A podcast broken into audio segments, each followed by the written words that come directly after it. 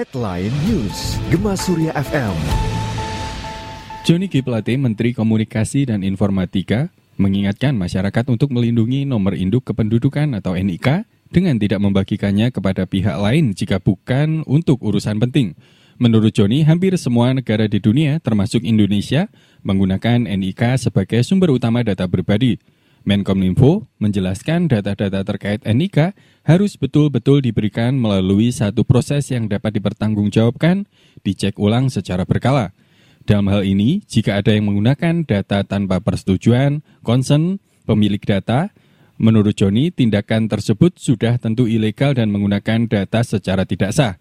Penyalahgunaan data tersebut merupakan subjek pada tindakan pidana dan denda.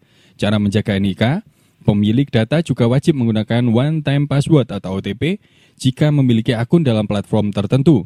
Selain itu, menurut Menteri Kominfo, rutin mengganti password atau kata sandi juga penting dilakukan. Dia juga menekankan agar masyarakat melindungi data pribadi dengan selektif dalam memberikan NIK serta mengganti kata sandi secara berkala.